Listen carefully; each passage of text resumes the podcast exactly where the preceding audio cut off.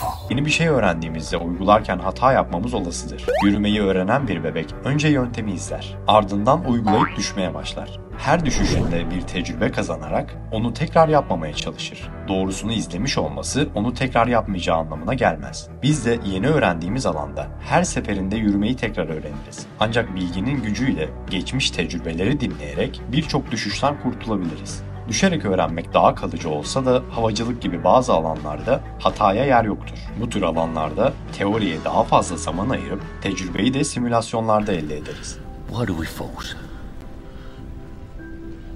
So that we can learn.